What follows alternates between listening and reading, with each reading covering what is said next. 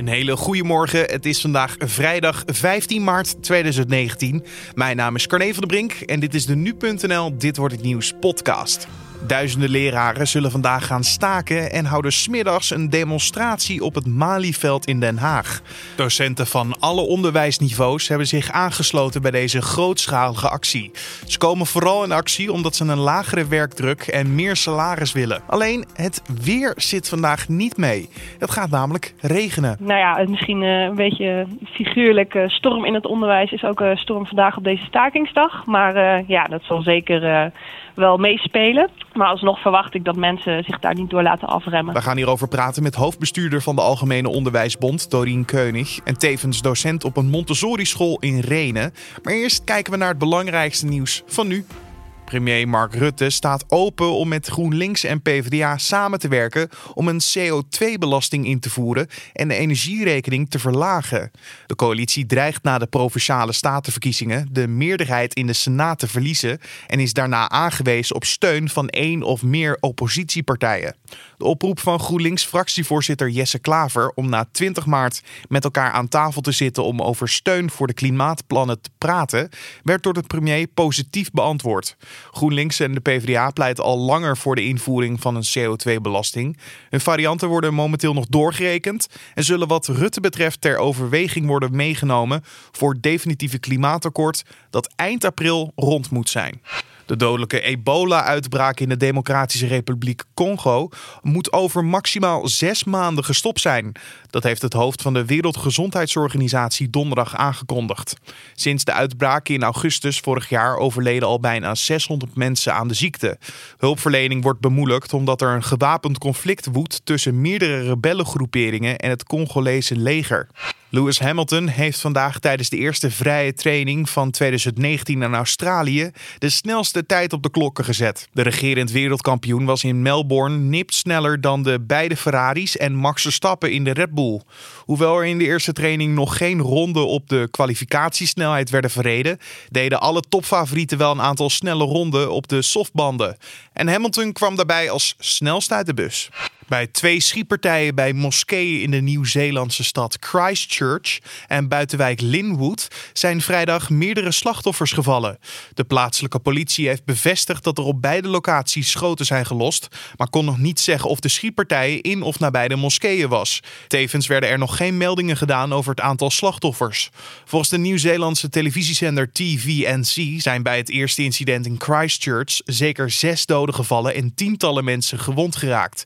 Volgens onbevestigde berichten ligt het dodental zelfs boven de 40. Als we nog meer updates krijgen vanuit Nieuw-Zeeland, dan nemen we die mee op de website en in de nu.nl app. En dan kijken we naar de dag van vandaag, oftewel dit wordt het nieuws. Duizenden leraren zullen vandaag gaan staken en houden smiddags een demonstratie op het Malieveld in Den Haag. Docenten van alle onderwijsniveaus hebben zich aangesloten bij deze grootschalige actie. Ze komen vooral in actie omdat ze een lagere werkdruk en meer salaris willen. De lerarenstaking heeft als gevolg dat veel scholen vandaag leerlingen geen les kunnen geven. We gaan hierover praten met hoofdbestuurder van de Algemene Onderwijsbond, Dorien Keunig, en tevens docent op een Montessori-school in Want wat is op dit moment het grootste probleem in het onderwijs? Het grootste probleem in het onderwijs is eigenlijk dat er eh, ja, structureel te weinig geïnvesteerd wordt in het onderwijs. En daardoor zie je dat eh, de problemen toenemen. Dus er is een hoge werkdruk in het onderwijs. En daarnaast is er natuurlijk ook een groot lerarentekort wat eh, aan het toenemen is. En is dit nou een probleem volgens jullie dat al breed wordt gedragen? Of zit het nog een beetje in de negeerhoek? Nou, volgens mij eh, is dit een eh, probleem wat je niet kunt negeren. Ehm, ja, leraren in- van basisonderwijs tot aan eh, universiteiten, die merken natuurlijk om, om zich heen dat er heel veel problemen zijn. En daarnaast zie je ook natuurlijk dat het gewoon merkbaar is als er geen docenten voor de klas staan. Dus zelfs ook ouders, ehm, die merken dat er problemen zijn in het onderwijs. Dus dat is niet iets wat je kunt negeren. En daarnaast zien we eigenlijk ook dus dat de actiebereidheid onder docenten heel erg is toegenomen de afgelopen tijd. En eh, ja, het is echt werk aan de winkel. Kan je nog terughalen waar dit probleem is ontstaan? Nou, dat, dat gaat zeker al wel een tijdje terug. Dat is niet iets van de laatste tijd. Je ziet eigenlijk dat in het onderwijs uh, is er heel lang een uh, nullijn in salaris gehanteerd. Eigenlijk vanaf 2009 zijn eigenlijk de, de lonen bevroren. En um, eigenlijk zie je dat er toen al uh, te weinig is geïnvesteerd in het onderwijs. En daar merken we nu nog steeds uh, elke dag de consequenties van. Dus ehm, ja, daar begon het eigenlijk een beetje mee. En eigenlijk zie je dat er elk jaar ja, weinig wordt geïnvesteerd in onderwijs en zelfs soms bezuinigd. jij zegt we merken er elke dag wat van, van deze druk, van deze bezuinigingen. Op welke manier merk je daar iets van? Um, nou ja, ik sta zelf voor de klas en ik zie eigenlijk dat het probleem steeds erger wordt. En dat begon eigenlijk met uh, lastig uh, vinden van vervangers. Dus als bijvoorbeeld iemand ziek is. En nu is het ook zo dat als ik um, structureel eigenlijk een nieuwe collega nodig heb, dat die vacatures echt heel lastig in te vullen zijn. Dus ja, ik krijg er steeds minder collega's bij en dat maakt mijn werk eigenlijk steeds ingewikkelder. -hmm. Die druk op de schouders van de docenten is op dit moment namelijk denk ik echt redelijk zwaar. Ja, ja, dat is sowieso zo. In het onderwijs is de werkdruk erg hoog. Um, en daar moet absoluut wat aan gebeuren. Wat willen jullie hier aan doen? Nou, wij zeggen eigenlijk dat er uh, meer geld geïnvesteerd moet worden in het hele onderwijs. En wij zeggen eigenlijk daarvoor is eigenlijk om het op een goede manier te doen, is er 4 miljard nodig. Um, dat is geld, dat is voor meerdere jaren. En dat willen we dan onder andere uh, steken in uh, werkdrukvermindering, maar ook salarisverbetering van docenten en uh, onderwijsondersteunend personeel. Jullie gaan dus vandaag die stakingsdag organiseren. Die zal vandaag plaatsvinden. Wat moet ik me voorstellen bij deze landelijke staking die er vandaag dus is? Nou, het is een staking uh, voor eigenlijk het hele onderwijs. Dus basisscholen uh, tot aan universiteiten. Eigenlijk overal is de nood in het onderwijs hoog. Dus uh, elke, elke soort onderwijs doet eigenlijk mee vandaag. Um, heel veel scholen gaan dicht. Uh, op dit moment denken we dat in ieder geval 2100 scholen dichtgaan. Maar dat zullen er denk ik uh, best nog wel meer kunnen worden. En uh, het is onderdeel van een actieweek. We hebben de hele week eigenlijk al actie gevoerd in het onderwijs en aandacht gevraagd. en vandaag sluiten we af eigenlijk met een ja, landelijke staking.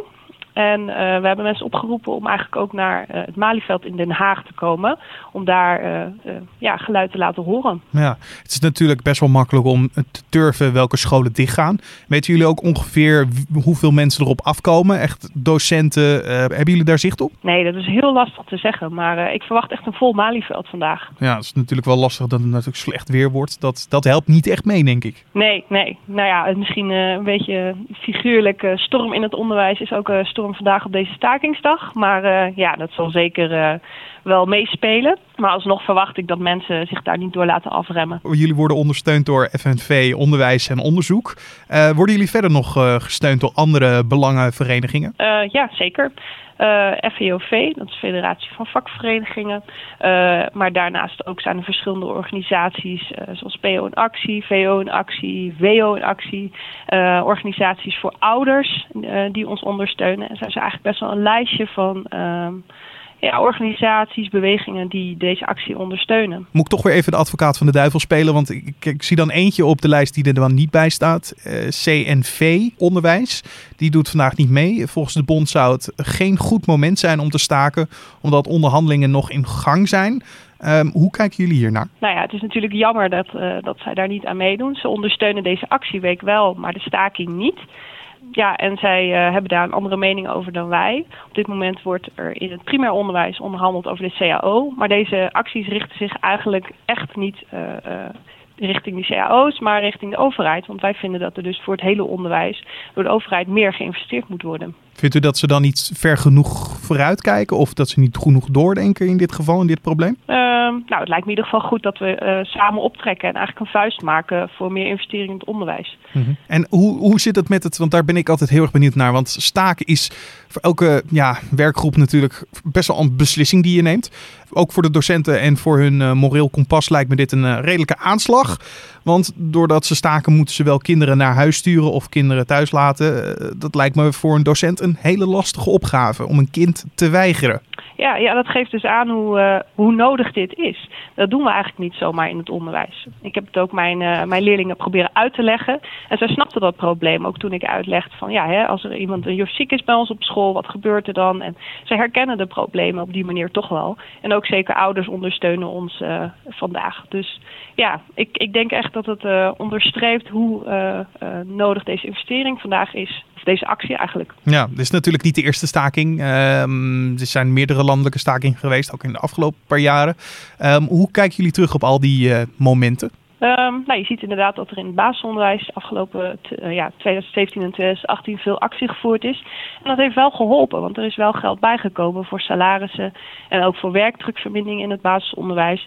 Dus ik denk wel dat staken uh, heeft geholpen. En ik vind het heel erg mooi om te zien dat eigenlijk het onderwijs nou zo massaal opstaat en uh, van zich laat horen. Maar het is niet dat, dat u denkt van ja, hadden we toen toch nog even wat harder gestreden, dan uh, hadden we misschien de problemen die we nu moeten toch nog een keer bestrijden niet gehad. Uh, nou, weet ik niet. Je ziet eigenlijk dat uh, in het basisonderwijs is, dat eigenlijk, is, die, is die actiebereidheid toegenomen. En, en later zijn ook dus andere onderwijssectoren zijn gevolgd. Dus ik vind het eigenlijk, ik zie het eigenlijk bijna als één traject van, van stakingen. Mm -hmm. Het eindstation is nog niet bereikt, zo gezegd. Nee, nou ik hoop natuurlijk dat dat vandaag wel nou, het zou mooi zijn als er meer investering komt. Maar of, of we dat helemaal gaan bereiken, die 4 miljard, dan, uh, dan houden we morgen mee op. Maar, ja. uh, Even dan het nieuws van vorige week. Daar kwam naar buiten dat, uh, dat basisscholen eerder extra geld krijgen om de werkdruk te verlichten. Dit schooljaar kreeg een gemiddelde school daarvoor al 35.000 euro. Maar dat wordt na de zomer jaarlijks een halve ton. Uh, dat liet minister Arie Slob van Onderwijs aan de Tweede Kamer weten. Stonden jullie uh, te springen van blijdschap toen jullie dit nieuws hoorden? Ja, nee, helaas niet. Kijk, het werkdrukakkoord is natuurlijk een, een hele mooie afspraak. Een maatregel waarmee er uh, ook echt werkdruk verminderd wordt in het basisonderwijs. Maar uh, het was wel afgesproken dat we dit geld kregen. Dus het is een beetje een trucje om uh, um, geld wat al beloofd was, wat naar voren te halen. En een mooie strik omheen te doen. En dan te zeggen, kijk eens, jullie krijgen extra geld. Maar dat was al geld wat eigenlijk beloofd was. Dus het is, het is naar mijn idee een beetje een, ja afleiden van de aandacht van waar het eigenlijk over moet gaan. Wat hopen jullie nou echt te bereiken met vandaag? Nou, vandaag hopen we dat er uh, eigenlijk een toezegging komt van uh, de overheid dat er meer geïnvesteerd gaat worden in het onderwijs. En we hebben zelf een, een, een voorstel daarvoor gedaan. Dat is die 4 miljard voor het hele onderwijs, van basisonderwijs tot en met universiteiten. Nou, we willen eigenlijk dus laten horen dat uh, de nood in het onderwijs echt hoog is en dat er uh, iets moet gebeuren. Maar moeten we dit uh, deze dag dan zien als een ultimatum of komt er weer? Ja, lijkt me wel. Ja, toch? Ja, ja, eigenlijk had er gisteren geld bij moeten komen. En je ziet dat er nu, doordat er eigenlijk de afgelopen jaren structureel te weinig is geïnvesteerd, dat de problemen zo hoog opgelopen zijn dat we inmiddels te maken hebben met weinig docenten en leraren, met hoge werkdruk. En dat maakt het natuurlijk niet beter voor het onderwijs. In ieder geval uh, goede wandelschoenen aan en uh, ik denk een uh, paraplu. Ja, regelaars en gaan. Je hoorde de hoofdbestuurder van de Algemene Onderwijsbond, Dorien Keunig. En Ajax hoort vandaag vanaf 12 uur wie de tegenstander wordt in de kwartfinales van de Champions League. Bij de loting in het Zwitserse Nyon zijn Manchester United, Manchester City, Tottenham Hotspur, Liverpool, FC Barcelona, Juventus en FC Porto de mogelijke tegenstanders. De heenduels zijn op 9 en 10 april en de returns worden een week later gespeeld. Vleeshandelaar Willy Selten hoort vandaag wat voor straf hij krijgt in een hoger beroep voor het met vlees in zijn groothandel in Os. Selten mengde daar goedkoper paardenvlees met duurder rundvlees en verkocht deze producten vervolgens als rundvlees. Volgens de advocaat-generaal heeft Selten zich schuldig gemaakt aan valsheid in geschriften. Tegen Selten is vier jaar cel geëist. In een eerdere aanleg kreeg hij 2,5 jaar celstraf voor de vleesfraude. En dan nog even het weer. Het wordt opnieuw een regenachtige dag, waarbij het wederom uren achter elkaar kan De buien trekken vanuit het zuidwesten naar het noordoosten over het land. Het gaat ook opnieuw stevig waaien, met kans op zware windstoten. Wel is het zachter dan de afgelopen dagen, met temperaturen tussen de 11 en 13 graden. En om af te sluiten nog even dit. Ja, ik had het gisteren al in de podcast benoemd, maar het heeft eindelijk plaatsgevonden. De kunstveiling van de overleden zanger George Michael. Die veiling van de deel van zijn kunstcollectie bracht in veilinghuis Christie's ruim 10 miljoen euro op. De avondveiling trok online meer dan 12.000 bezoekers uit 27 verschillende landen. En dat aantal is naast de bieders bij Christie's in Londen en New York. Bijna een kwart van de bieders was nieuw voor het veilinghuis. En alle ingebrachte stukken werden donderdagavond verkocht. En de online veiling gaat nog door tot vrijdagmiddag. Dan wordt ook de totaalopbrengst bekendgemaakt. En het geld wordt gebruikt om door te gaan met het filantropische werk van de Britse zanger en songwriter die op eerste kerstdag 2016 overleed. En dit was dan de Dit wordt het nieuws podcast voor deze vrijdag 15 maart. Je vindt de podcast natuurlijk elke maandag tot en met vrijdag om 6 uur ochtends op de voorpagina van nu.nl. Laat ons vooral ook weten wat je van deze podcast vindt in een recensie mailtje naar podcast@nu.nl of een geschreven recensie in iTunes. En dan nog ook even een kleine huishoudelijke mededeling. Want aanstaande maandag zou je normaal gesproken mij ook horen in deze podcast. Maar deze keer zit het even wat anders. Want ik ga even een weekje op vakantie naar een heerlijk warm oord. Maar natuurlijk krijg je wel gewoon maandag een verse nieuwe podcast. Maar die wordt niet gepresenteerd door collega Julian Dom. Nee, een nieuwe presentator hoor je maandag. En zijn naam is Jan van Houten. Die hoor je dus maandag om 6 uur in de Dit Wordt Het Nieuws podcast. Mijn naam is Carne van der Brink. Ik ben er dus even een weekje niet. Maar ik wens je alvast een fijn weekend, een mooie week toegewenst. Ga genieten van de podcast, dan ga ik dat ook doen. Maar dan op mijn vakantieadres. Dankjewel. Hoi hoi.